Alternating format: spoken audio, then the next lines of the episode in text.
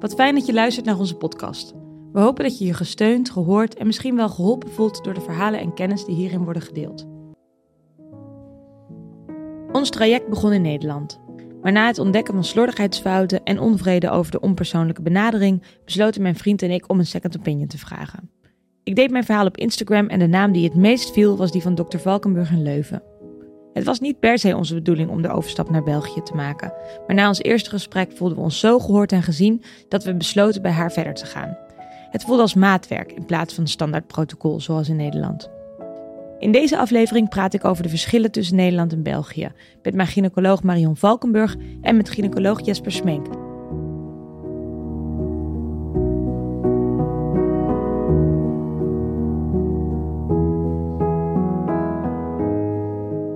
Wat uh, fijn dat u mee wilt werken aan deze podcast. Het is uh, bijzonder om hier te zijn onder andere omstandigheden dan uh, als patiënt. Dus dank daarvoor. Ja, welkom, zoals zoveel Nederlanders hier. En ik zou graag willen bijdragen aan een beter begrip van wat wij nu hier in België doen. En mensen uitleggen waarom um, veel mensen komen. En ja, dat is het eigenlijk waarom ja. je van harte welkom heet. Dank u wel. Ik weet nog heel goed um, toen we elkaar voor het eerst spraken. Dat was via een Zoom-call. En um, ik voelde me gelijk, uh, in tegenstelling tot mijn eerdere ervaringen, enorm gehoord.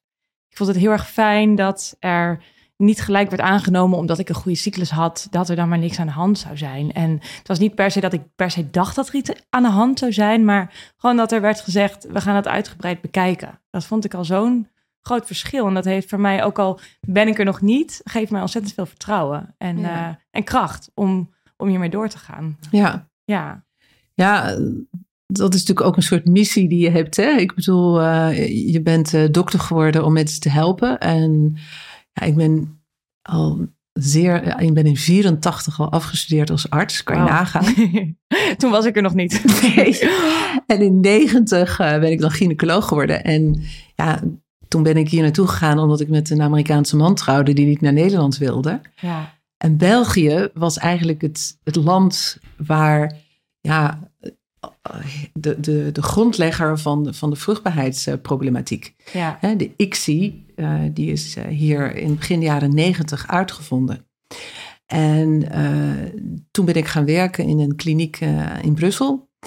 En daar ja, ben ik eigenlijk steeds meer in die vruchtbaarheid terechtgekomen, zou ik maar zeggen. Ja. En mijn netwerk uitgebouwd. Ja.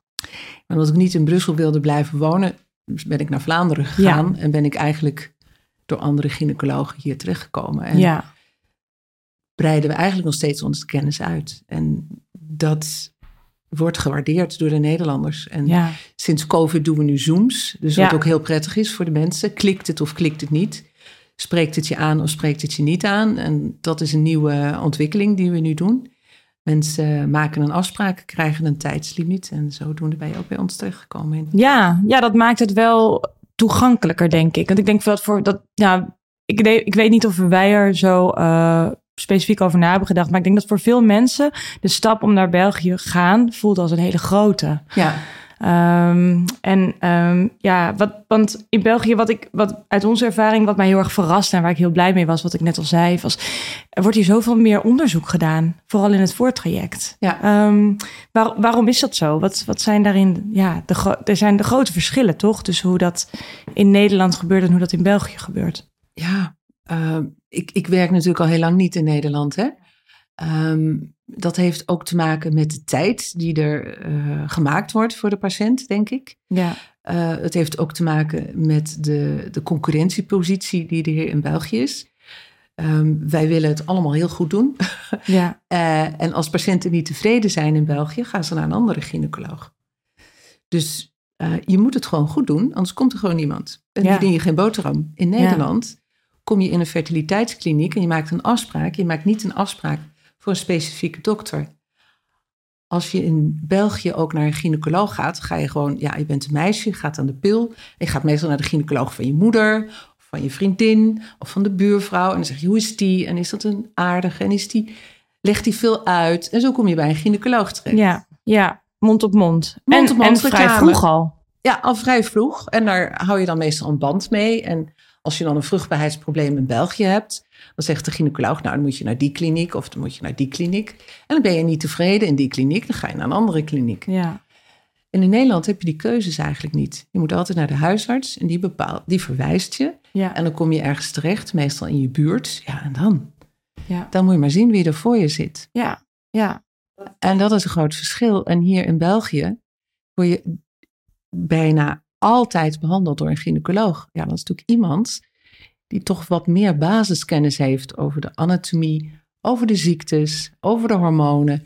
Die is toch wetens, meer wetenschappelijk geschoold, denk ik, dan wat ze nu in Nederland doen door het tekort van gynaecologen, door het enorme aanbod van ehm, eh, patiënten. Hè? Want patiënten worden alsmaar ouder Ja. als ze aan kinderen beginnen. En daardoor neemt het aantal ziektes en het aantal problemen nemen toe. Dus wat hebben ze gedaan? We dachten, nou, we zetten daar basisartsen op en die doen nu het werk. Maar die kunnen natuurlijk niet zo op alle vragen antwoorden als dat wij dat kunnen.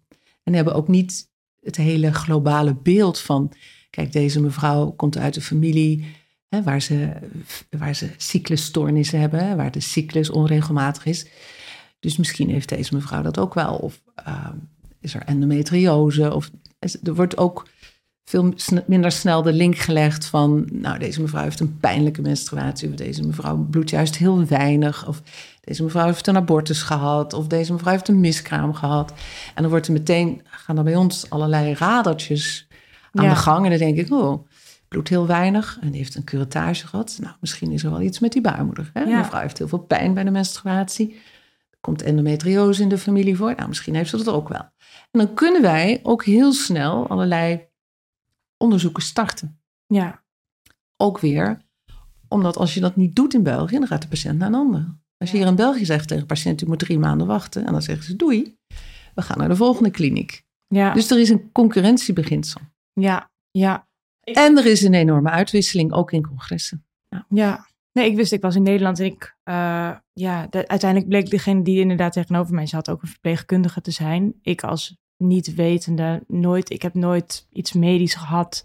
Dacht, ja, had het naïeve vertrouwen in dat degene tegenover mij zat het beste met mij voor had. Dat had ze misschien ook wel. Had dat, ze ook eh, waarschijnlijk. Dat ja. had ze waarschijnlijk ook wel. Natuurlijk. Maar het voelde niet persoonlijk in mijn geval. En eh, ja, ik weet nog ehm, toen wij ons eerste gesprek hadden dat ik eh, ja, dat, dat, eh, verschillende onderzoek, dat u verschillende onderzoeken voor mij had aangedragen. Dat waren eh, een MRI-scan, Ja. een hysteroscopie Ja. en een uitgebreid bloedonderzoek. Ja, Terwijl in Nederland is één keer bloed geprikt om te kijken of ik chlamydia had gehad. Ik heb een HSG-spoeling gehad, behandeling gehad. ja. Waar deze- wij al lang niet meer, hè, HSG's. Nee? Nee, eh, omdat het A toch een vrij pijnlijk onderzoek is. Ja, dat is verschrikkelijk pijnlijk. Wat ik ja, ook niet, ik vind het middeleeuws, dus ik doe het al twintig jaar niet meer. je hebt tegenwoordig, in Nederland gaan ze wel meer over tot de hyfosie, daar waar je met schuim eh, de eileiders ziet, maar moet je wel in ervaren handen zijn. En als jij geen chlamydia hebt gehad, hoef je eigenlijk niet zo'n verschrikkelijk onderzoek te doen. Maar ja, de, de radiologen verdienen eraan en die vinden het Auw, dat is wel echt heel pijnlijk. Ja, het is maar heel pijnlijk. En door de pijn kan het zijn dat het lijkt alsof je eileider dicht zit, terwijl dat misschien helemaal niet het geval is. Plus, ja, als je al eens een keer zwanger bent geweest, dan zal je eileider wel open zijn. Hè? Ja. En je hebt een miskraam gehad, dus dat heeft het ook al Ja, niet zoveel zin. Dat was bij mij dus niet het geval. Ik had, eh, ik had geen chlamydia gehad. eh, of had, nee, ik had geen chlamydia gehad. Dus die, eigenlijk was die HSG, zegt u, totaal niet nodig. Nee, want de- hysteroscopie die je bij ons Ja. hebt gehad, Ja. die heeft veel meer informatie opgeleverd. Ja, Want als je dus gaat kijken met een camera, dan zie je hoe de vorm is. ja, Of er een schotje is, of er een polyp is, of er een vleesboom is. En dat is soms wel minstens zo belangrijk als dat die eileiders open zijn. Ja, die eileiders, ja, als ze echt niet open zijn en je kijkt met een goede echo, dan zie je ook dat er vocht in zit. En je kunt bovendien door zo'n HSG niet zien of de eileiders aan het uiteinde, of er toch vergroeien zitten. Hmm, Het kan wel open zijn, maar het kan ook zijn dat het niet goed functioneert. ja. Dus, dus dat doen wij heel weinig. En mij werd ook verteld, met uw baarmoeder is niks aan de hand. Die is oké. En als ik het me goed herinner, is er in het eh, Live Expert Center toen verteld, in, de- in, bij u is er dan tweedimensionaal naar de baarmoeder gekeken, terwijl wij dat hier met de hysteroscopie driedimensionaal doen. Ja. Heb ik dat goed onthouden Ja, zo? heel goed. Ja. Ja, Ik doe tegenwoordig hier ook eh, driedimensionaal. En dan kan je dus zien ja, is er een, een T-vorm? Is er een schotje? Nou, een schotje kun je sowieso zien Ja. eh, op een echo. Ja. Als er een dubbele baarmoeder is, kan je het zien. Maar ik heb hier ook mensen gehad die een halve baarmoeder hebben, hadden. Wat ook een, een beperkende factor is. Een halve baarmoeder kun je wel Wauw. zien natuurlijk op een hysterosalpingografie. Hè, zo heet dat. Een Ja. HSG. Ja. Dat kun je wel zien. En een schot kun je ook zien. Maar zo'n T-baarmoeder, ja, als je dat niet herkent, dan zie je dat niet. Nee, want mij werd verteld met uw baarmoeder is niks aan de hand. Dat is allemaal goed. Maar Maar als je dat- achteraf misschien die beelden bekijkt, zie je dat het misschien toch ook wel een T-vorm was. Ja, ja. En, eh, want over die, over die T-vorm, eh, daar is wel, daar hoor, krijg ik wel eens reacties op van, eh oh, maar dat doen ze in België. Dat is helemaal niet per se bewezen. Dat, dat wordt wel vaker geroepen van behandeling in België. Er worden dingen gedaan die wetenschappelijk nog helemaal niet onderbouwd zijn. Eh, en daar wordt geld op verdiend. Ja, waar wordt geld op verdiend? Ja, ik bedoel, eh, natuurlijk kun je als dokter zeggen, ja, ik eh, ga filantropisch het, leven in. Maar ja, wij moeten ook onze apparatuur betalen, onze verpleging betalen. Maar eigenlijk zijn wij helemaal niet zo duur als je ziet wat een diagnostische histoscopie, wordt wat daar wordt voor gedeclareerd bij de ziektekostenverzekering. En dat is ook 1500 euro. En wij doen het een, een correctie voor 1200 euro bij wijze van spreken, inclusief alles.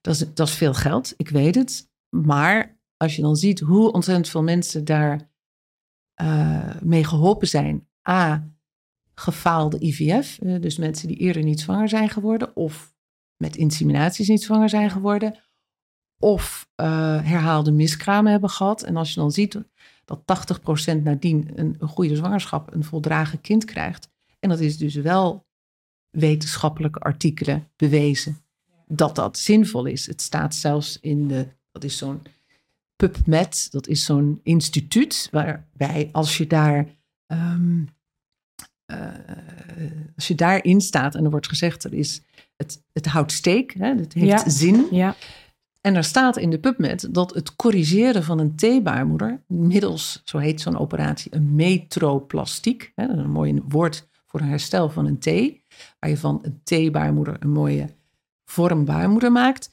dat er dan dus wel degelijk zinvol is om dat te doen. ja, En ja, waarom wordt het ontkend? Ik denk, maar ik weet het niet. A, het is dure apparatuur. Mhm. Het is geen simpele operatie. Dus je moet daar mi- minstens 50 doen, denk ik, voordat je dat zonder leiding. de Eh, operatie kan. voor mij snel ging, ging vrij Ja, maar snel. dat is een dokter die, ja, de, ja.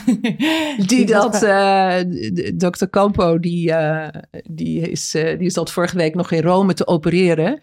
voor een congres van alle fertiliteitsartsen in de wereld. Dat is een. En daar zitten dan 3.000, 4.000 man in een zaal in Kopenhagen. En dan doet hij live een T-uteruscorrectie. Dus ja, als je dat kan, dan moet je geen schrik hebben om daarvoor te geopereerd worden. En we zijn dus nu ook bezig om daar nieuwe mensen eh, voor op te leiden. Maar ik, Ja. je moet het vergelijken. Kijk, toen er op de maan gelopen werd, zei men ook: ja, dat kan niet dat je op de maan loopt. Maar er moest één iemand een keer op de maan gaan lopen. En daarna zijn er nog een paar op de maan gaan lopen. En dat is dus met zo'n T-baarmoeder ook. En dat was met IVF hè, in 78, Louise Brown.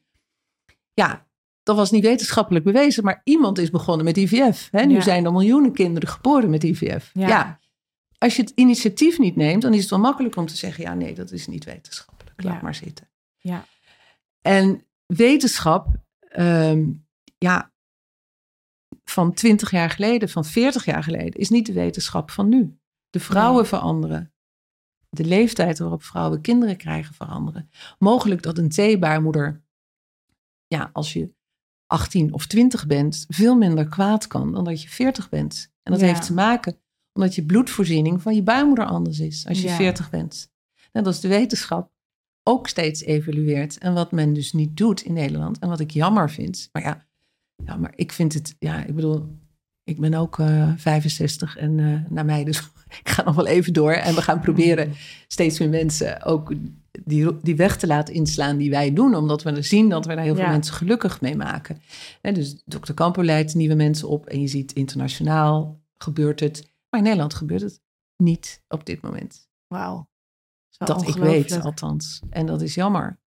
En het heeft alleen jammer, en het, heeft, het is ook, maar het is ook geen, geen goed verdienmodel. Hè? Het is een moeilijke operatie. Ja, want met dure apparatuur. toelichten waarom het ook alweer... Uh, we hebben dat natuurlijk vaker besproken in mijn consulten, maar uh, een theebaarmoeder, waarom is dat? Uh, ja, dat weten we, dat weten we nooit 100% natuurlijk, waarom dat is. Wij wisten nou, waarom? Wat, wat doet de operatie? Wat, wat, die, wat die, die, zorgt, die zorgt dat je een betere... dat hè, een embryo is eigenlijk iets vreemds. Hè? Een embryo ja, komt een stukje genetisch weefsel van een man tot op heden toch. Dus zover zijn we nog niet, als je van twee vrouwen een embryo maakt. Of van twee mannen. Maar hè, dus het is een stukje vreemd materiaal. Dus het is eigenlijk net als een tumor. Dus een tumor die, die zoekt bloedvaten op. En daarmee kan die zich verspreiden in het lichaam. Dat doet eigenlijk een embryo ook.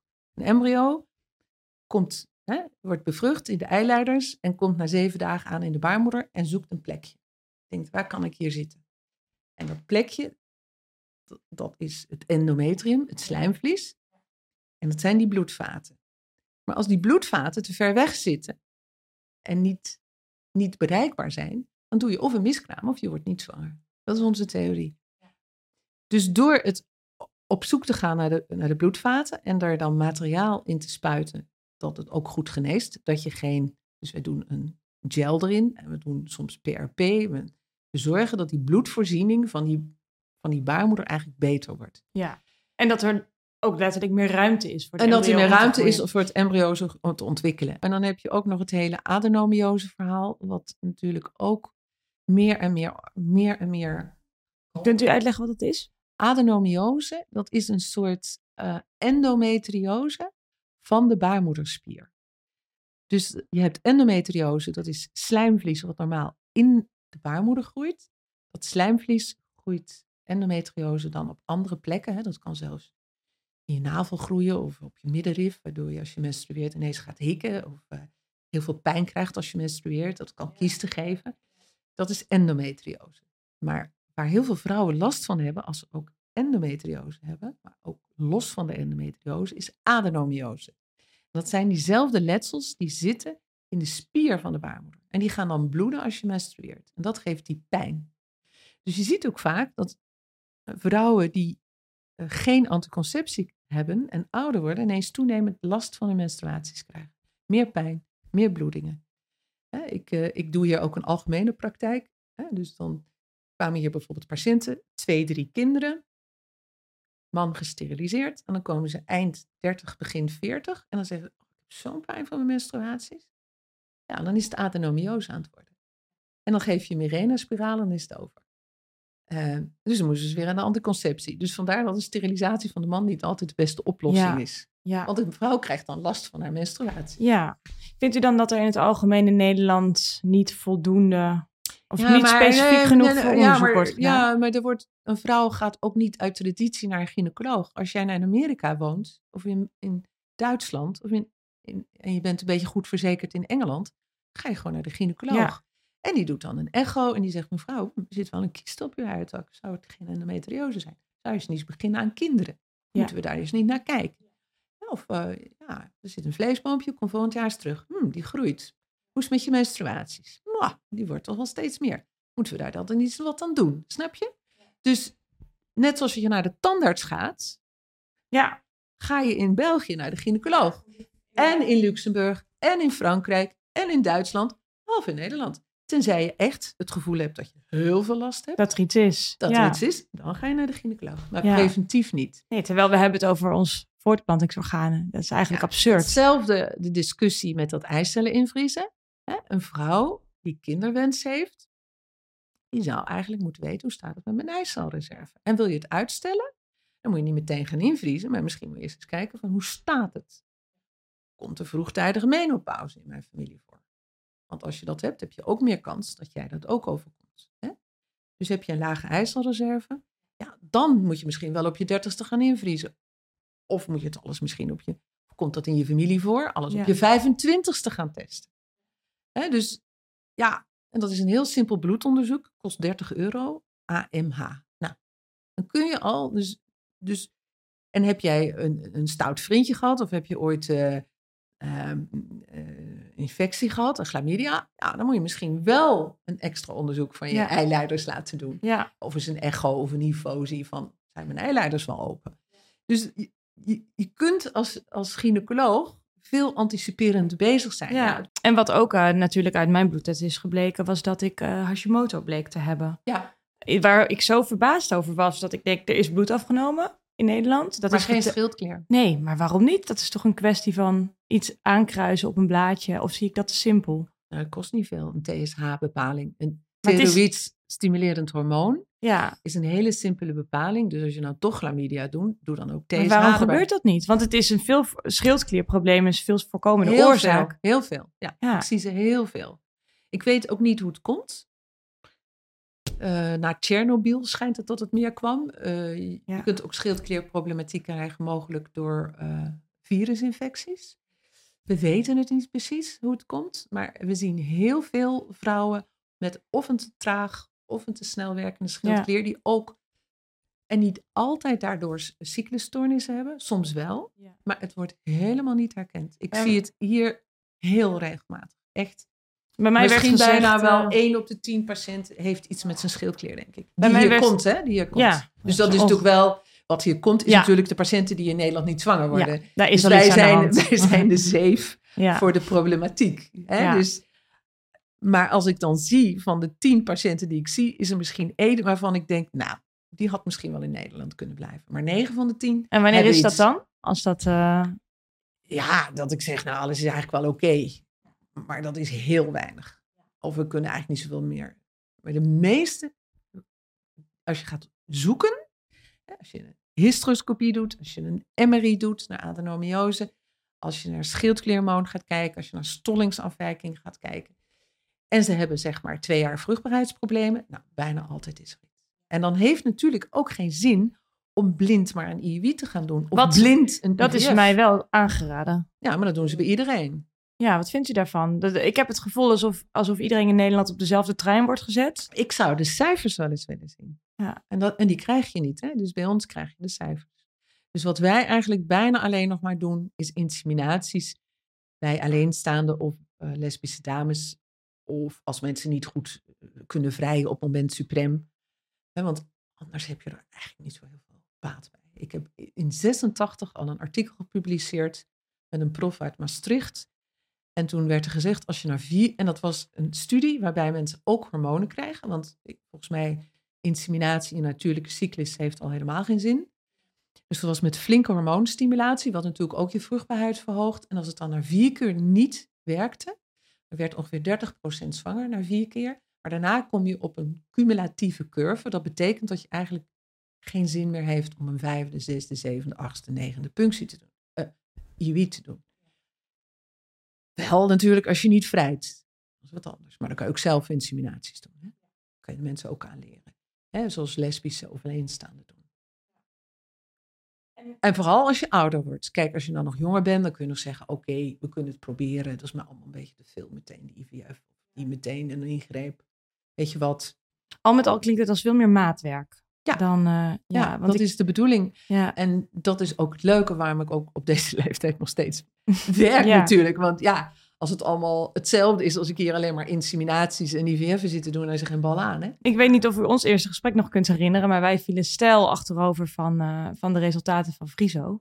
Die uh, ja. domweg eigenlijk verkeerd beoordeeld zijn. Of Ja. noemt een typfout.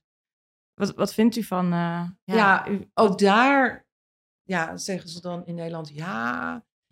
Dus wat wij doen met, met ehm, sperma in Nederland over het algemeen, wat ik zie, is dat het bekeken wordt op volume, op ehm, aantal, hè? dus concentratie. Dus hoeveel zaadcelletjes zitten er in een milliliter zaad? Hoeveel bewegender, hoeveel procent bewegend? En dan heb je de snelle bewegend, de minder bewegend, de matig bewegend en de niet bewegend. Ja. Nou, hè, dus een man moet gemiddeld 15 miljoen zaadcellen per milliliter Ja. hebben. Die moet ehm ehm 40% goed bewegend zaad hebben. En that's it. Maar ja, dat wil nog niet alles zeggen dat je goed zaad hebt. Want je moet ook naar de kwaliteit kijken. Een zaad heeft een kop, een middenstuk en een staart. En een man moet meer dan 5%, dus als je 100 zaadcellen heeft, heeft een man maar 5% normale zaadcellen. Gemiddeld. En dan zit hij goed. Maar je hebt ook mannen waar er maar 1 op 100 goed is. Ja, dat is natuurlijk minder goed staat, wat ook minder goed in staat is om te bevruchten. En dan is er nog iets nieuws, dat heet DNA-fragmentatie. Dus dat zegt ook iets over de kwaliteit van het DNA. En als DNA, DNA-fragmentatie onder de 25% is, is het goed. Maar heb je bijvoorbeeld een man met een DNA-fragmentatie, dus heel slecht DNA-kwaliteit, want daar moet je het van hebben, van zijn DNA. Niet alleen van zijn mooie blauwe ogen, maar van zijn DNA. Ja. Hè, dan, dan, en is dat 70%, ja, dan word je ook niet zwanger. Ook al is het goed bewegend en ziet het er en, en, en zijn het er voldoende. Het moet ook kwalitatief goed zijn. Heel logisch. Je moet een prachtige auto hebben, maar als die motor het niet doet. ja, en de inhoud er niet is, als er geen hersenen in zitten, dan kom je er niet. Nee. Plus we kijken naar HPV. Als een man HPV heeft, is het ook minder. Uh, heb je meer miskramen en heb je minder goed sperma. Ja, en dan zeggen ze allemaal, dat is allemaal niet wetenschappelijk bewezen. Ja, sorry, dat is misschien in Nederland niet wetenschappelijk bewezen, maar vergt natuurlijk ook weer veel meer personeel. Want dat moet je allemaal nakijken.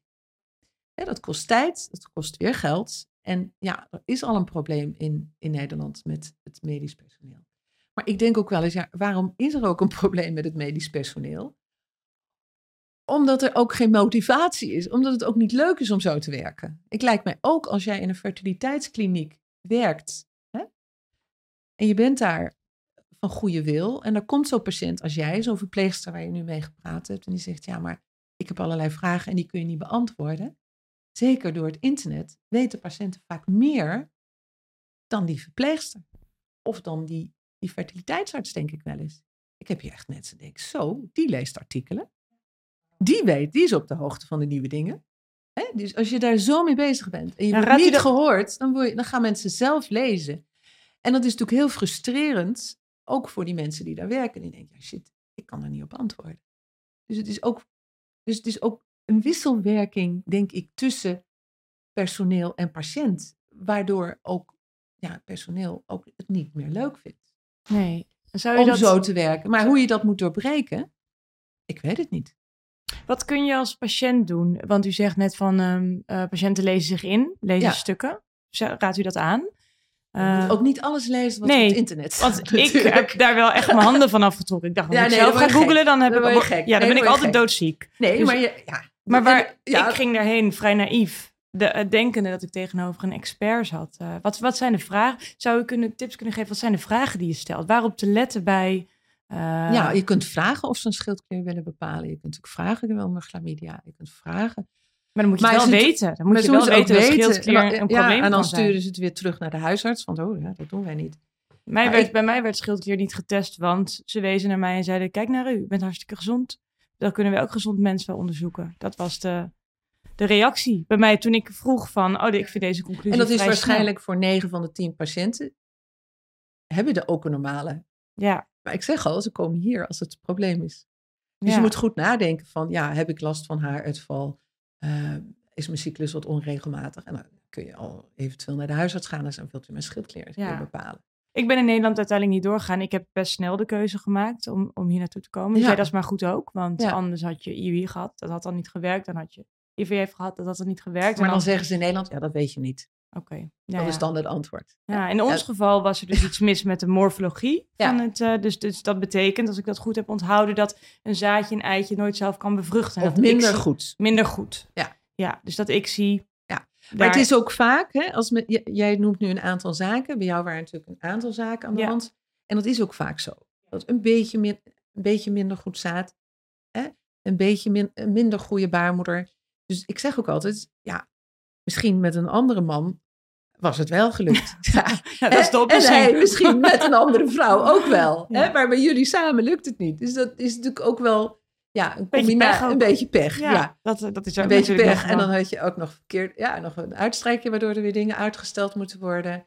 Ja, dan kan je ook nog eens pech hebben dat je miskraam doet. Ja, want die pech is er gewoon. die pech, pech is er. Dat geldt voor iedereen. Dat beseffen mensen niet. Ja, eigenlijk als je het goed wil doen, moet je gewoon zorgen dat je op je 21ste een kind hebt. Want dus je kans op miskraam het minst. Is je bloedvoorziening het best. Is je seksuele libido nog het grootst. Dus hè? Ja, Ja. ja, want dat, dat zie je dan ook weer afnemen als mensen oud zijn. Ze ook op commando en op afspraak moeten vrijen. En zo, ja, zo, zo wordt het probleem ja, is, is complex. Maar het is leuk, vind ik, om elk individu met zijn eigen probleem met aan te pakken en naar een bepaalde weg te leiden. En als je op een gegeven moment samen tot conclusie komt, ja, het heeft niet gewerkt, dan hebben die mensen tenminste wel het gevoel dat ze alles, alles aan gedaan hebben. en geprobeerd hebben. En zelfs de weg naar, naar België hebben gevolgd. Of, ja, en, wij, zijn niet alleen goed natuurlijk in, uh, ons centrum, maar het je, ging je, kunt, mij, je, eh, kunt, je kunt overal in België terecht. Het ging mij ook helemaal niet om een overstap naar België. Ik uh, weet nog dat ik hierover deelde op mijn Instagram. En dat uw naam, ik denk wel twintig keer is gevallen. Oei. Ja, ja. de druk zal ik hebben. Maar ik ben wel gespecialiseerd in second opinions, las ik ook. Ja. Waarom denkt u dat het is dat iedereen... Ja, u heeft ook wel ik ben natuurlijk ook Nederlands, hè? Ja. Dat is natuurlijk oh, dat is ook een heel sterk punt. Um, ik spreek toch wel meer de taal. Hè? In, in, in België klappen ze over de poep en... Uh, mevrouw niet verschieten en dan bedoelen ze niet schrikken. En de poep, dat is dan de billen. Eh, en mevrouw... Uh, er is een punt van herkenning. Ja, dus ik begrijp de Nederlandse mentaliteit. Hè? En ik ben natuurlijk zelf in Nederland opgeleid en alleen maar stom toeval hier terechtgekomen, omdat ik nou met een Amerikaan trouwde. Ja, ik denk dat veel, veel uh, dat in Nederland veel vrouwen horen van alles is goed met u, er is niks aan de hand. Terwijl dat is een beetje dat ik denk, arrogant, vind ik het. Ja, nee, maar het is maar een fractie wat, van, wat je weet. Wat er, er is maar een fractie getest of naar een fractie gekeken. Ja, maar ze vinden het allemaal niet nodig, want het is niet wetenschappelijk bewezen. Ik kom er nu weer op, dat is wat er gezegd wordt, als een dooddoener eerste klas. En want het is ook niet fair. Nee. Wat zou, wat zou uh, om ze zo maar te noemen, wensouders adviseren? Wanneer, wanneer trek je aan de bel? Niet te lang wachten, hangt van je leeftijd af. Kijk, als je jong bent heb je meer tijd. Dus kun je rustig misschien toch wel het circuit ingaan. Wat noemt u jong? Oh, als je onder de 30 bent, hè? Ja. Um, boven de 35 wordt het al uh, aanpoten. En als je boven de 38 gaat, dan moet je niet zes keer IUI gaan doen, denk ik. Wij waren 32 toen ja, wij waren op tijd, hè? Ja, wij, wij hebben na een jaar dat het niet lukte aan de bel getrokken. Er zijn mensen die hebben gezegd, Oh, dat is wel vrij rap. Je bent wel eens ongeduldig. dat, is heel, dat, is heel, verstandig. Oké. Want de kans, als je 32 bent, als het na een jaar niet gelukt is, dat het in het tweede jaar wel lukt, is misschien maar 10% extra. Ja, dus wees niet te voorzichtig. En nee, wees niet te voorzichtig en, en vraag om hulp. Ja. En ja, en het ellende is natuurlijk dat er wachtlijsten ontstaan. Maar door maar te wachten wordt de problematiek en de pathologie soms ook alleen maar erger. En eh, heb je klachten, nou, dan moet je eerder aan de bel trekken. Dus heb je buikpijn? Heb je hevige menstruaties? Of juist is je menstruatiepatroon helemaal veranderd? Of, vind je, ja, of leid je er psychisch heel erg onder? Ja. dat je kan, je kan geen zwangere buik meer zien. Ja, dan moet je ook aan de bel, gaan trekken. Ja, ja. en de 30 zou je zeggen. Als je... Zeker, zeker. Tenzij het in je familie voorkomt. Of als je al geopereerd bent als jong meisje. Bijvoorbeeld, je hebt een eierstok eh, kwijt. Of je hebt bewezen alle gecompliceerde blinde darmontsteking ondergaan met complicaties. Of je hebt een heel ernstige genitale infectie gehad, een gonoreu of een syphilis of weet ik wat. Of je bent geopereerd aan baarmoederhalskanker beginnend. Is ook allemaal alarmbellen. alarmbellen. Ja. Heb je helemaal niks en heb je een regelmatige cyclus, laat het sperma van je man eens nakijken. Hè, of daar dan iets mee is. Hè, dat, is dat is een fluitje van een cent. Maar wacht niet twee jaar, drie jaar. Ja. En uh, ja, dus wat ik eigenlijk zeg, word wijs. Laat je niet in een. En denk met je gezonde verstand over je eigen vruchtbaarheid. En als je het niet vertrouwt, vraag een tweede mening. Ja. En als je wel vertrouwen hebt, kan ook heel prima in een Nederlandse arts. Prima. Maar als je denkt van hij kan mijn, mijn vragen niet beantwoorden of het klopt niet met mijn gevoel. Want ja, ik denk dat, dat had ik heel erg. Ik had een vrouwen hebben heel vaak heel goed onderbuikgevoel. Men noemt dat de vrouwelijke intuïtie, ja. Hè? maar dat bestaat. Ja. Ik geloof daar echt wel in. Ja, ik had dit ook. En ik zei tegen mijn vriend, ik weet niet waarom, maar het voelt hier niet goed. En ja. ik wil dat iemand anders hier naar kijkt. En als ze mij hetzelfde vertellen, dan is dat zo. Misschien ben ik dan wel gemotiveerd om nu die IUI te doen wat ze ons aandragen, maar het voelt gewoon niet goed. Ja, dus durf daarop te vertrouwen, zegt ja, u. durf daarop te vertrouwen, op je eigen gevoel. En als jij het gevoel hebt dat een inseminatie ja, de stress van je seks afhangt rond de vruchtbaar, afhaalt van je vruchtbare periode, is dat ook prima. Weet je? Maar als je denkt, oh, dan moet ik weer naar het ziekenhuis en dan zitten ze daar weer te prutsen en dan komen ze weer. Ik, vandaag heb ik een mevrouw die, die heeft in Nederland uh, inseminaties gehad en ze kwamen er al nooit in. En toen ging ze IVF doen en ze kwamen niet in die baarmoeder. Ja, dan kijken wij en dan zat er een vernauwing in de baarmoederhals. Ja, als jij een ingreep hebt gehad in je baarmoeder, dat je geopereerd bent vanwege een afwijkend uitstrijkje, zie je soms vernauwingen. Ja, als ze er dan niet in komen, dan moeten ze dat niet vier terugplaatsingen een uur zitten prutsen natuurlijk. Wat gebeurt? Ja. En, dan moet je op, en dan moet je dus niet accepteren. Nee. En soms accepteren dat mensen toch keer op keer. Ja, ook uit onwetendheid. Uit onwetendheid. Ze zullen het wel weten. Maar... Ja, ik had hier van de week ook een mevrouw, die is nu 40 en die is tien jaar bezig. En die is zelf wetenschapster. En die was dan uiteindelijk hier terechtgekomen door een, een, een, een hoogleraar die ik ken. Ehm, een zus van een vriendin van mij. En die zei, ja, ik wou niet zo vervelend zijn, want ik dacht, al die mensen die naar België gaan. Maar die heeft gewoon een dichte baarmoeder, die mevrouw. Die baarmoeder zit dichter. Die heeft een curettage gehad naar haar miskramen. En, die baar, en ze zegt, ja, ik had wel veel minder bloedverlies. En dan zei ik, bloed veel minder. Oh, dat is makkelijk, dat kan geen kwaad. Ja, terwijl er dus jaren nu verloren is gegaan. Hè? Zonde. Zonde. Ja, die was dus- spontaan zwanger. Wauw. En kreeg een miskraam, weer een miskraam, drie keer gecureteerd. En met IVF nooit zwanger geworden, met inseminaties nooit zwanger geworden. Ja, logisch, als je baarmoeder dicht zit. Ja. ja, dus durf te vragen naar de zorg en durf die je zelf ook na te denken van, hoe komt het nou dat het verandert? Ja. Denk na, het is allemaal niet zo moeilijk. Nee, ik denk het, dat... is, het is gewoon, het is soms gewoon gezond verstand. Ja, ik denk dat veel uh, vrouwen denken, ik wil geen zeur zijn. Ik wil niet de bedweter uithangen. Uh, moet, moet toch kunnen? Ja, het gaat uiteindelijk om je eigen toekomst. Ja, dus en het eh, is zo leuk om kinderen te hebben. Het is zo belangrijk om ook daarna oma te worden, ja. hè, wat ik nu ben. ja, en dat mis je dan. En ook voor je ouders. Hè? Als je met, je met je ouders praat, ja, die hebben er ook verdriet om. Ja, nou, ik kijk er naar uit. Um, we hebben samen nog uh, even te gaan. nog te gaan. ja. Nou, we hebben de vlag uit. Ja, ja, ik kijk er enorm naar uit. En ik, ik hoop uh, dat je er iets aan gehad hebt. Ja, het is een heel waardevol gesprek. En uh, het vertrouwen is nog meer gegroeid. We en we zien elkaar weer uh, over een tijdje. Ja, heel erg bedankt voor dit fijne gesprek. Ja. Na mijn gesprek met dokter Valkenburg was ik extra benieuwd hoe een Nederlandse gynaecoloog dit ziet. Ik ging daarom in gesprek met gynaecoloog Jasper Smenk van het Elisabeth Tweesteden ziekenhuis in Tilburg. Ik vroeg wat volgens hem de grote verschillen zijn tussen België en Nederland, waar het wellicht anders of beter zou kunnen en wanneer hij zou aanraden om de overstap naar het buitenland te maken. Mijn doel? Inzichtelijk krijgen wat anders is in België dan in Nederland, zodat vrouwen of paren in het fertiliteitstraject weten waar ze aan toe zijn. Ja, om met de deur in huis te vallen, wat vind je van de verschillen tussen de fertiliteitszorg van, uh, tussen die in Nederland en België? Nou, ik vind uh, vooral dat er heel veel overeenkomsten zijn. En uh, dat uh, als je naar aan weerszijden van de grens kijkt wat we doen, dat we allebei denk ik heel betrokken zijn met onze patiënten en ook vergelijkbare resultaten en soortgelijke dingen laten zien. Dus um, ik wou beginnen met dat uh, de zorg aan weerszijden van de grens heel goed is. Maar vervolgens zijn er natuurlijk uh, verschillen, want anders is dit niet leuk om het erover te hebben. En die verschillen, ja, die bestaan een klein beetje uit, denk ik, hoe wij um, aan weerszijden van de grens naar de zorg kijken. Dat heeft historische gronden. In Nederland zijn we dan altijd wat terughoudender en zijn we misschien, ja, flauw gezegd, wat zuiniger. Maar dat heeft wel hele goede redenen. En aan de andere kant van de grens um, ja, wordt er uh, in die zin wat, uh, wat, wat meer op een andere manier daarnaar gekeken, wat meer gedacht.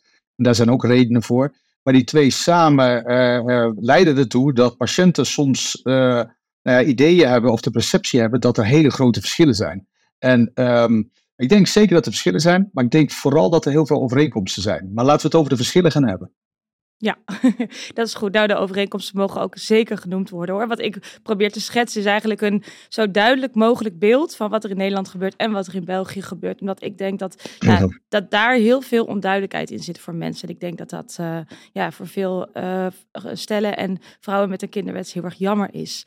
Um, om het op mijn eigen uh, situatie te betrekken. Ik ging nu bijna drie jaar geleden ben ik in Nederland naar een ziekenhuis gegaan um, met een kinderwens. Mijn vriend en ik probeerden anderhalf jaar zwanger te worden en dat lukte niet. Ehm, en ehm, ja, mijn ervaring, hoe dat, hoe dat daar is gegaan, zijn, dat zijn eigenlijk twee onderdelen. Uh, enerzijds voelde het onderzoek uh, vrij, vrij onpersoonlijk. Het voelde als een uh, vrij heel uh, beknopt, heel klein onderzoek. Um, en een onderzoek wat eigenlijk bij, bij iedereen plaatsvond. Uh, ja, eigenlijk voelde het als heel weinig. Uh, en daarnaast kwam er onder andere, of eigenlijk bij mijn vriend, kwam er daar een rapport uit. wat in uh, Nederland heel anders beoordeeld is dan, uh, dan dat het in België is. Dr. Valkenburg heeft gezegd van, nou, er zijn echt fouten gemaakt. Um, wij besloten eigenlijk vanwege een onderbuikgevoel dat ik me daar niet volledig gezien en gehoord uh, voelde, besloten wij uh, een second opinion aan te vragen. Die was toevallig bij dokter Valkenburg, omdat ik haar naam veel had doorgekregen. Dat ging mij niet om dat ik per se naar België wilde. Uh, ja, dus eigenlijk wilde ik u graag, de, of wilde ik je graag deze, deze twee ervaringen voorleggen. Van het, het stukje onpersoonlijke en uh, het, het verkeerde rapport, of het, het anders beoordeelde rapport. En om bij die eerste te beginnen, van waarom is het onderzoek in Nederland uh, zo beperkt? En vindt u dat ook zo beperkt? Want dit is hoe ik het heb ervaren. Ja, kijk, ik denk dat jouw ervaring altijd klopt, hè, om daarmee te beginnen. Dus uh, jij als patiënt ondervindt zaken enzovoort. En dat is natuurlijk heel erg afhankelijk van het moment, de dokter, de kliniek en een heleboel dingen waar je tegenaan loopt. Uh, ja, jij en je vriend lopen tegen dingen aan en, um, en, en, en, en doen daar iets mee. En uh, ik denk dat dus het discussiëren over jouw persoonlijke situatie uh, enerzijds heel nuttig is, want dat gaan we doen. Andere zijde moet je natuurlijk oppassen om dat te extrapoleren naar heel Nederland. Dus het feit dat jij tegen een bepaalde dokter of een bepaalde situatie aanloopt, en dan kunnen we allerlei redenen aanvoeren waarom uh, de sfeer of de berekening of enzovoort beter hadden gekund. Um, maar ik denk uh, dat we moeten oppassen omdat, uh, om dokter Valkenburg, wat overigens een Nederlandse dokter is, om die zeg maar, zeg maar als de BV België versus de Nederlandse situatie te stellen. Ja, um, daar ben ik goed, helemaal met je. Maar even om in te gaan op je vraag. Ik denk dat het zo is dat wij in Nederland hebben wij, uh, om te beginnen, uh, is het zo dat in het basispakket onze uh, fertiliteitszorg wordt vergoed. En als je in Europees verband kijkt, is dat echt iets wat we moeten koesteren. Want een heleboel patiënten, dat begint al aan de Duitse grens, moeten in de buitenlanden grote delen van hun fertiliteitsbehandelingen betalen. En wat hebben we nou met z'n allen afgesproken? Dat is dat als dat, wij die fertiliteitszorg willen kunnen blijven aanbieden aan de patiënten, zodat het overgrote deel vergoed blijft, is dat we dat uh, ja, zinnig en, en zinvol moeten doen. En dat wil zeggen dat bij alles wat wij doen, dat we daarvan eigenlijk moeten kunnen laten zien waarom we dat doen. En dat we het niet zomaar doen, omdat we er een gevoel bij hebben, of omdat het leuk is, of omdat het enzovoort, maar dat het echt aangetoond zinvol is met een wetenschappelijke basis. Nou, dat heeft ertoe geleid dat alle dingen want toen ik met mijn carrière begon, was de lijst van dingen die wij binnen het oriënterend fertiliteitsonderzoek deden, was aanzienlijk langer. En al die factoren die zijn op een gegeven moment kritisch tegen het licht gehouden. Doen we die nu omdat we dat historisch zo geleerd hebben, of omdat er een wetenschappelijke basis voor is? Of is het zo dat we een aantal dingen misschien wel weg kunnen laten, omdat ze heel weinig opleveren, of misschien maar in enkele gevallen iets opleveren, uh, en vooral ook geld kosten. Want realiseer je goed, al die dingen die we doen bij het individu, die moeten we met z'n allen natuurlijk wel betalen. Dus we moeten daar denk ik toch altijd positief kritisch naar kijken. Wil dat nou zeggen dat je helemaal niks meer moet doen? Natuurlijk niet. Je moet enerzijds een soort basisonderzoek, uh, en dat is dat oriënteerd fertiliteitsonderzoek waar ik het over had. Maar dan moet je dan gericht individueel soms dingen aan toe kunnen voegen. Dus het is denk ik echt niet zo dat we zeggen met dit minimale pakket moeten we het doen. Maar dat is wel de basis van waaruit wij zeggen, dit is in principe wat we in ieder geval doen. En dan kunnen we op individueel niveau kijken of we daar nog dingen aan toe moeten voegen. En ja, dat is een ander uitgangspunt, want uh, ik weet van Belgische collega's dat dat initiële pakket wat men uh, in kaart brengt en prikt en enzovoort, dat is gewoon aanzienlijk uitgebreider. En dat wekt dan de indruk helaas dat, uh, dat men daar de zorg, nou ja, serieuzer neemt, beter kijkt, beter zoekt. Um, en ja, dat wil ik wel bestrijden, want ik, ik, ik, ik denk niet dat dat zo is. Ik denk alleen dat wij gerichter inzoomen op de patiënt, zonder meteen alle mogelijke onderzoeken op patiënten los te laten. Want nogmaals, heel vaak levert dat weinig tot niks op. En aan de andere kant kost het wel altijd heel veel geld. Ja, ja, dat begrijp ik. Nou, ik, uh, ik, ik wil allereerst even benadrukken, de, ik haal mijn situatie aan omdat ik geen medisch expert ben. Deze podcast ontstaat vanuit vragen die bij mij zijn ontstaan omdat ik in een traject zit. Um, ik ben daarover gaan delen op social media en kreeg veel wederhoor van vrouwen die zeiden: Oh, we hebben heel andere, maar soortgelijke situaties meegemaakt. Dat blijft inderdaad alleen maar een situatie. Maar vandaar dat ik, uh, dat, ik dat op mijn voorbeelden aanhaal. Uh, ik hoor ook wat je zegt en dat klinkt ook heel begrijpelijk. Ja, uiteindelijk lijkt het alsof er in Nederland uh, iedereen uh, vaak eerst IWI krijgt en daarna IVF. Uh, nadat er eigenlijk maar weinig onderzoek wordt gedaan. Terwijl een grondig onderzoek vaak juist kan betekenen dat er misschien iets aan de hand is wat eerst opgelost kan worden. Ook voordat je kostbare jaren verliest. Dat was ook wel heel erg iets wat ik in mijn achterhoofd, ja, dat klokje voelde tikken. Hoe, hoe zie je dat? Ja, ik denk dat, uh, uh, ik denk uh, om aan te slaan op dat laatste punt wat je maakt, het klokje wat tikt, dat is natuurlijk wel iets wat ik dagelijks hoor en ook zie. En dat levert heel veel verdriet en stress op bij de, de vrouwen die het betreft. En dat is natuurlijk altijd iets wat wij ook wel mee moeten nemen in de, in, de afwegingen welke behandelopties en welke stappen we gaan zetten.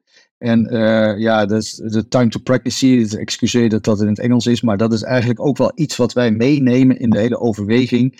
Um, en die moet je natuurlijk afwegen tegen de kans en ook de leeftijd van de vrouw die voor je zit. En een heleboel paren die bij me komen, en of dat er nou uh, uh, heteroseksuele, lesbiennes, alleenstaande, noem alles maar op, alle variaties zijn. Um, een kind en een kinderwens is, is natuurlijk een begin, maar dat is soms ook het begin van de wens tot een gezinsvorming. En dat is wel eens meerdere kinderen. Dat kost natuurlijk meer tijd. Dus je moet altijd in die overwegingen van uh, het nastreven van de zwangerschap eigenlijk het hele plaatje betrekken. En misschien ook wel dat er een wens is tot een wat groter gezin dan één kind. En dus dat je misschien ook wel wat meer uh, vaart moet maken en moet kijken of je uh, die time to pregnancy kunt verkorten. Ik heb, ik heb ook wel eens gehoord dat van vrouwen dat ze juist IUI als belastender ervoeren dan, dan bijvoorbeeld IVF. Die hormoonstimulatie is natuurlijk maandelijks. Bij, bij IVF, mocht daar een goede oogst zijn, dan kun je even vooruit, tussen aanhalingstekens, nadat een poging bijvoorbeeld niet gelukt zou zijn. Is het dan dus zo dat die belasting dan vooral gaat over het financiële aspect? Dat het gewoon een stuk duurder is om andere behandelingen te doen en dat er ook daarom vaker voor IUI wordt gekozen? Nee, ik denk uh, dat het echt zo is dat uh, de eerste stap uh, eh, IUI uh, uh, met betrekking tot de stimulatie, het niet te doen, hoeven doen van een punctie, ehm, de hoeveelheid hormonen en de hoeveelheid eitjes die gaan groeien, die is echt qua belasting van een andere orde dan IVF. Um, maar dan krijg je natuurlijk wel de discussie van hoeveel kans levert dat nou op? En, en in die afweging van de, de, de, de kansen bij IUI versus IVF, en even voor het gemak uh, voor de mensen die luisteren, is het zo dat bij IVF zijn die kansen over twee keer zo groot per uh, cyclus. Dat een hoop vrouwen dan op een gegeven moment gaan denken: ja, um, maar um, als die kans veel groter is, dan is dat misschien wel hetgeen wat ik zou willen. Um, en, en dan neem ik die, die, die verhoogde risico's en extra belasting op de koop toe. dat die kosten daardoor toenemen, dat heeft gewoon te maken met het feit dat je meer hormonen nodig hebt, dat een IVF-procedure gewoon lastiger is, et cetera. Um, dat is niet zozeer de reden waarom we met z'n allen zeggen dat zou je om die reden niet moeten doen.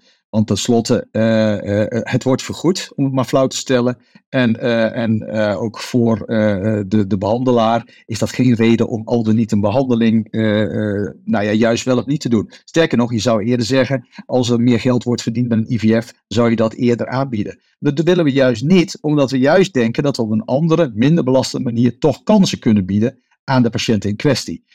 Op het moment dat de patiënt dan aangeeft, ja, maar luister dokter, um, die IUI, met alles wat erbij komt, dat um, kost me te veel kruip, dat levert me te veel um, uh, uh, stress en uh, andere zaken op. Dan moet je natuurlijk ook het gesprek durven aangaan met de patiënt om te zeggen: luister eens, die IUI, om die en die redenen denken wij dat dat echt in uw geval van toegevoegde waarde is. Um, de patiënt zet daar tegenover, ja, maar dit kost me te veel stress en ik zou toch graag de stap willen zetten naar IVF. En ik denk dat we het daar gewoon open over moeten hebben. En op het moment dat er geen draagvlak is voor IUI, dan bespreken we met een patiënt IVF. Dus het is echt niet zo dat dat niet mogelijk is of niet kan. Het is alleen zo dat de, uh, ja, uh, gewoon kijkend naar uh, nou ja, belasting, kansen enzovoort, denken dat een IUI in een heel veel gevallen een extra mogelijkheid zou kunnen zijn. Want bedenk je wel, IVF is vaak het eindstation van wat we kunnen. En ehm, eh, iedereen zit toch nog in zijn hoofd met, met IVF word ik wel zwanger. Het is ook een beeld wat een beetje ontstaat in de media. Als, uh, als, je, als je wat ouder wordt of het lukt niet, dan komt IVF je wel redden. Ja, dat lukt uh, gelukkig heel vaak, maar niet altijd. En als IVF niet lukt, dan sta ik eigenlijk vervolgens met lege handen. En ik hoop altijd patiënten met het zij gerichte adviezen en misschien wel helemaal niet zoveel interventies. Het zij met IUI en tot slot met IVF, die optelsom van al die kansen, maakt dat ik denk dat we daarmee uh, patiënten overal een optimale kans bieden. En dat je dan soms het een wat sneller en soms het, het ander wat eerder doet. Um, maar het is de optelsom die maakt dat er gelukkig nog heel veel paren wel zwanger worden. En voor mij zou het persoonlijk het makkelijk zijn om iedereen die mij een hand geeft om die IVF aan te doen. Dan ben ik het snelst klaar, hoef ik niet na te denken. Maar dat zou echt heel jammer vinden voor de, voor de stellen, voor de paren die met veel minder belasting uh, toch ook gewoon zwanger worden. Want die zie ik gelukkig ook, hè? Ja, ja nou dat is in ieder geval dat is ontzettend fijn. Uh, in, in ons geval was het zo dat er uh, ook van alles aan de hand bleek te zijn met het, uh, met het zaad van mijn vriend, van mijn partner. ons werd IUI aangeraden in Nederland, eigenlijk zonder aanwijsbare reden waarom dat zo was. Ze zeiden: Dit is gewoon het eerste wat wij dan doen. naar onderzoeken in België, waarin het zaad dus opnieuw is bekeken, zijn verschillende dingen geconstateerd. Um, er waren namelijk dingen aan de hand met de morfologie, maar ook met de DNA-fragmentatie, waardoor uh, onze huidige arts heeft gezegd van met dit uh, zaad word je niet zwanger. Uh, ik ben ook nog nooit zwanger geweest daarvoor. Ik heb inmiddels twee keer ICSI gehad, waarin van beide pogingen ja. ik zwanger ben geweest. Uh, zij zei, dit was met IUI nooit gelukt. Uh, in zo'n geval voelt het voor mij als patiënt wel met mijn rug tegen de muur, want dat zijn het eigenlijk twee uitersten. En ja, worden mij twee totaal verschillende verhalen verteld. Hoe kan het dat, ja. um, dat zo'n rapport in, op beide plekken zo anders beoordeeld wordt? Ja, vind ik, uh, vind ik een uh, buitengewoon goede vraag. In de zin van, uh, daarmee wil ik eigenlijk zeggen dat ik dat ook niet helemaal goed snap. Want ik denk dat we het aan weerszijden van de grens over dezelfde feiten zouden moeten hebben. Daar zijn internationaal via de Wereld, World Health Organization, via de WHO, zijn daar criteria over opgesteld hoe je naar die dingen moet kijken. En binnen de professionele organisaties, waaronder op Europees niveau, zijn er echt wel wat richtlijnen voor opgesteld hoe je met uh, dergelijke waarden moet omgaan. Um, het is absoluut waar dat uh, bij dezelfde waarden soms uh, er een verschillende conclusie mogelijk is.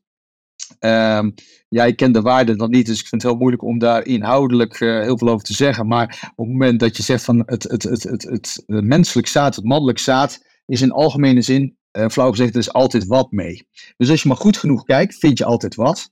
En, um, en uh, daar hebben we wel criteria voor opgesteld. Dus um, ondanks dat uh, het zaad uh, van de mens in het dierenrijk niet het meest efficiënt is, zeggen we toch bij bepaalde waarden: dit is goed, dit is een tandje minder, dit kan hulp gebruiken of het heeft serieus hulp nodig. En ik zie eens een voorbeeld ervan dat je echt zegt: nou moeten we alles uit de kast halen dat die zaadcel, dat genetisch materiaal bij de eicel komt. En ik zie is natuurlijk de, de meest geavanceerde methode om dat te doen. Um, daaraan voorafgaat gaat die IUI. En dan is het heel lastig om te zeggen van uh, die waarden zijn op een bepaald niveau. Uh, ik denk dat mijn collega gewoon naar de, de, de afkapwaarde daarvoor heeft gekeken. En heeft gezegd van nou, de, het Olympisch team is groot genoeg om een IUI mogelijk te maken. Um, de aanvullende onderzoeken die je vervolgens aanhaalt, die zijn van DNA-fragmentatie en andere zaken, die maken dat we nog eens intensiever naar het zaad kijken. Daar is uh, op zijn zachtste gezegd wat uh, discussie over, of je dat wel of niet moet doen en of het van toegevoegde waarde is. Um, de DNA-fragmentatie, maar dat is misschien wat technisch, uh, die hoort nou eenmaal bij, bij de, de aanmaak en die is ook soms onderdeel van die zaadcellen. Um, en dat maakt dat je een deel daarvan ook uh, bij een ICSI uh, um, zult, zult, zult gebruiken in de totstandkoming van een embryo. Dus het wil ook niet zeggen dat je met DNA-fragmentatie niet zwanger kunt worden. De vraag is alleen, en die vraag ligt, stel jij mij eigenlijk, zou ik nou met IUI echt nooit zwanger zijn geworden? En met ICSI zeker wel. Um, ik denk dat jouw voorbeeld aanhaalt dat ICSI fantastisch heeft gewerkt. En op het moment dat dat zo is, zeg ik ook, moet je er ook altijd uh, never change a winning team. Zeg ik ook tegen de patiënten. Um, is, weet ik nou zeker dat, je, dat, dat IUI een heilloze weg was? Vind ik een hele moeilijke. Want ik denk dat met soortgelijke waarden sommige patiënten wel, sommige niet zwanger worden. Ik weet alleen wel zeker dat ik zie een meer geavanceerde techniek is die ertoe leidt dat je daarmee in ieder geval een hogere kans hebt. En zit ik nou te kijken naar iets, naar een behandeling, dat, dat, dat ze zeggen, ja, bij jou was het IUI echt niet mogelijk geweest. Ehm, of is het zo dat ik zie gewoon een betere kans oplevert en dat we gewoon uh, meteen uh, ja, het beste paard van stal hebben gehaald. Dus dat vind ik een hele moeilijke discussie, of het een wel of het ander niet. Uh, het is alleen wel zo dat als je op die grenzen zit, ja, dan zie je dus, en dat komt terug bij hoe wij begonnen, dat aan weerszijden van de grens soms wordt gekozen voor een wat meer gematigde aanpak of een wat meer ja, uh, alles uit de kast aanpak. En ik denk dat voor allebei iets te zeggen is als je het maar goed uitlegt en de patiënt daarin meeneemt. Ja, en ja. in dit soortgelijke geval, als je gewoon zegt van luister eens, dit zijn de waarden en je legt het voor aan de patiënt. En um, met deze waarden zouden we normaal een IUI doen. En uh, om redenen uh, zou je uh, ook over een andere behandeling na kunnen denken. Ja, ik denk dat dat onderdeel is van wat wij dagelijks doen. Dat is namelijk samen met de patiënt een plan maken. Ja, ja, dat voelt inderdaad nu als wel het geval. Dat is uitgebreid besproken en toegelicht waarom. Dus uh, ik sta er ook helemaal achter in uh, en dit voelt goed. Um, Ja, dat, dat brengt mij tot, tot de vraag. Het, uh, ja, het is de algemeenheid zou, zou je misschien kunnen zeggen dat, de, dat het, de, de, de behandelingen, maar ook de onderzoeken in, in België op dit moment een stuk progressiever zijn. En dat het in Nederland een stuk meer protocolair is. Um, ziet ja, dat daarin dus, dus grote verschillen zijn.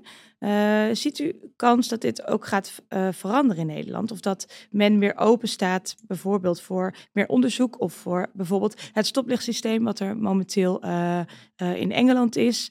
Mijn arts zelf gaf als voorbeeld van, er is ooit een tijd geweest dat mensen voor IVF de grens overgingen, omdat dat toen ook nog een uh, behandeling was die niet uh, volledig evidence-based was. En zij zeggen, wij, zien, wij doen hier behandelingen waarvan wij zien dat ze bij heel veel uh, vrouwen en paren succesvol zijn. We kunnen ervoor kiezen om die niet te kunnen doen en wachten tot het volledig evidence-based is. Maar dan zouden er misschien duizenden vrouwen kinderloos blijven. Ja, hoe ziet u, hoe ziet u dit en wat zou uw ideale scenario zijn in Nederland? Ja, ik denk uh, dat dit natuurlijk uh, de, de, in beeld is wat de verschillen zijn. Um, uh, in Nederland doen wij graag dingen die, die bewezen zinvol zijn. En in België is men wat dat betreft progressiever. Ik bestrijd wel dat men in België veel meer dingen zou doen dan dat, dat wij zouden doen. Kijk, het is niet zozeer dat men daar kan toveren en hele andere dingen doet of weet dan wij doen. Alleen de interpretatie van de wetenschappelijke of uh, al andere achtergronden, die is dan wat verschillend. En, um, en dan is het zo dat de voorbeelden die genoemd worden, IVF in het verleden was ICSI ook een voorbeeld daarvan. Daarvan hebben wij in Nederland gezegd, van daarvan willen we eerst zeker weten dat het 100% veilig is alvorens we die techniek in Nederland standaard maken. En in België is men daar veel eerder mee begonnen. Dus in de vroege dagen van de ICSI zijn heel veel patiënten daarvoor naar de andere kant van de grens gegaan. Dat is een heel mooi voorbeeld van iets waarvan we na verloop van tijd zagen dat uh, met toenemende wetenschappelijke achtergronden, dat uh, de introductie van de behandeling in België, dat het uh, goed was, dat die techniek was ontwikkeld en dat het ook echt van toegevoegde waarde is en dat daardoor heel veel patiënten in het hier en nu nog steeds fantastisch geholpen kunnen worden. Dus de patiënten die initieel in, om die reden naar België zijn gegaan, achteraf daarvan kun je zeggen, goed dat dat er was. Er zijn alleen ook andere behandelingen waarvan na verloop van tijd blijkt dat die niet zinvol waren. En dat die niet alleen niet zinvol waren en daarmee kosten en, en, en soms ook uh, belasting voor de patiënt opleverden, maar soms ook schade opleverden. En dat de kans op zwangerschap niet alleen uh, uh, vergroot, maar eerder verkleind werd door een techniek die uiteraard met de beste bedoelingen is geïntroduceerd en is aangeboden, waarvan je na verloop van tijd zegt van luister, maar die had eigenlijk volstrekt het tegenovergestelde effect van wat we met z'n allen beogen.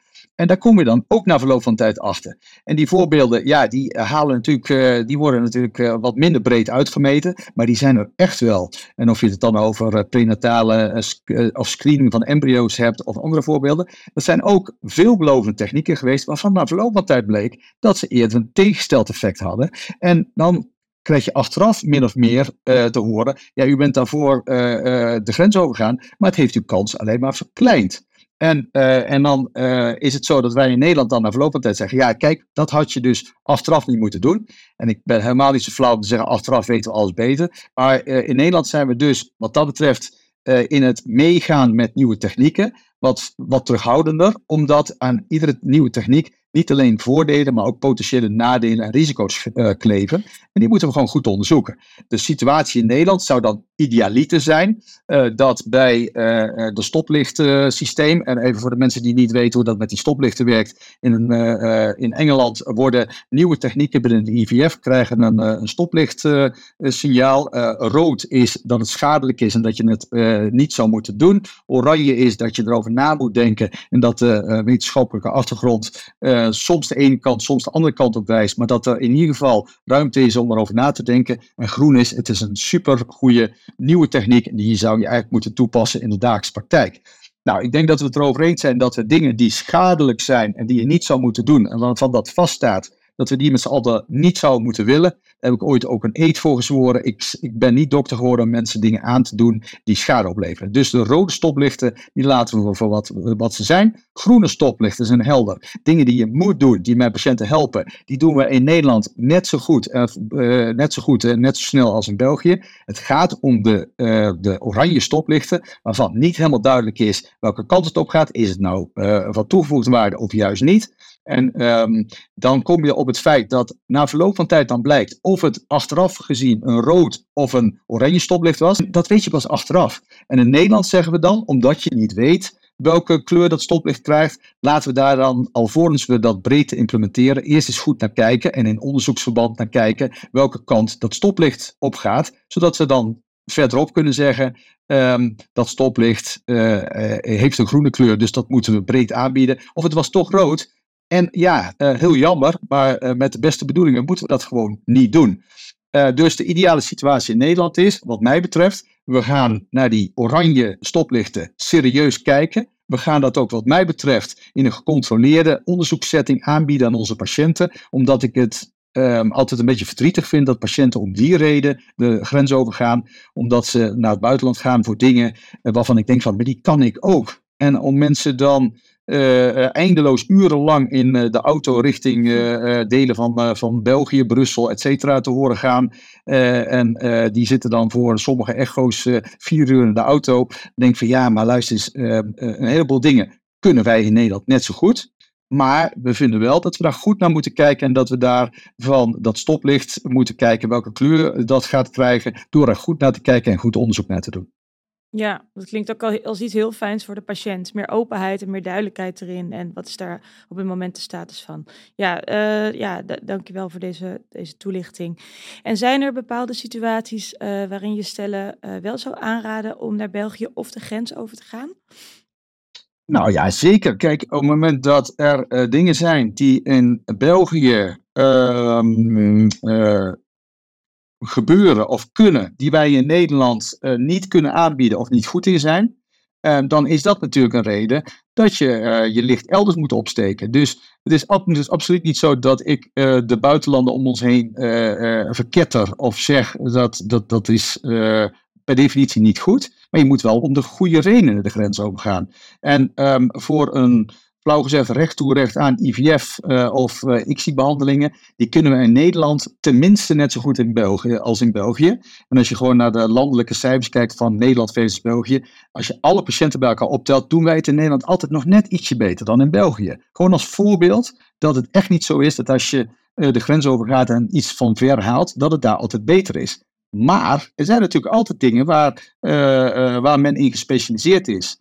En uh, waarvan je dan, uh, uh, het zij doordat er, dat, dat er wachtlijsten zijn in Nederland, het zij doordat er bepaalde technieken zijn, bijvoorbeeld in de prenatale diagnostiek, bij het screenen van, van embryo's, om te kijken of je een bepaalde ziekte al dan niet doorgeeft. Daarvan is het zo dat Maastricht dat fantastisch doet in Nederland, maar die zijn heel druk omdat er heel vraag naar is. Uh, daarvan ontstaan er lange wachtrijen uh, in, in, uh, in Maastricht. En dan kan het soms zo zijn dat je in overleg met de patiënt, maar ook met de ziektekostverzekeraar zegt, kunnen we deze patiënt, misschien ook wel dat hij wat sneller door wil en wat ouder is, kunnen we die dan niet bijvoorbeeld een kliniek in België adviseren? Maar dat gebeurt dan altijd in goed overleg, waarbij je die opties gewoon samen op een rijtje zet. En dan verwijs ik patiënten echt met heel veel liefde naar collega's in België, maar wel om de goede redenen. Enorm bedankt voor uh, deze uitgebreide toelichting en uh, voor het tijd nemen van dit gesprek. Ik hoop inderdaad dat, uh, dat die stappen in Nederland gaan worden gezet, zowel voor de patiënt als voor de arts. Lijkt me ook een stuk leuker om meer onderzoek te mogen doen en meer maatwerk te mogen leveren. Um, enorm bedankt. En, ja. ja, ik denk graag, graag gedaan. Ik wil nog even toevoegen. Ik denk, ik denk dat het leuke aan ons vak is, is denk ik in algemene zin niet het afdraaien van protocollen. Maar is het echt het meedenken met patiënten, waarbij we al die dingen die we benoemd hebben uh, in ons achterhoofd hebben. Maar voor mij is het leuk om met de individuele patiënt na te denken in hoeverre uh, de, het individu anders is dan de groep. En dan soms maatwerk te kunnen leveren en met de patiënt mee te kunnen denken. En dat kan dan vervolgens alle kanten op, zoals we hebben besproken. Maar de patiënt moet uh, uh, ja, wel het gevoel hebben dat dat gebeurt. En de, de, zo begon je. Hè? Je zegt van ik heb het gevoel dat, dat helemaal niet wordt nagedacht. Uh, dat vind ik echt jammer om te horen. Want ik denk dat het overgrote deel van de collega's echt heel veel lol beleeft aan het feit dat ze met paren en de patiënten willen meedenken op individueel niveau. Dat maakt in ieder geval mijn vak briljant leuk. Ja, ja, dat klinkt heel mooi. Ja, dat heb ik inderdaad gemist en nu gelukkig gevonden. Dus uh, ja, ik help dat hopen voor heel veel mensen om, uh, om zo iemand te treffen. Enorm bedankt. Dankjewel voor het luisteren. Kijk voor belangrijke informatie die we in deze aflevering hebben besproken nog even in de show notes. Heb je een vraag of wil je iets delen? Stuur gerust een DM naar nicole-huisman of l-nl op Instagram.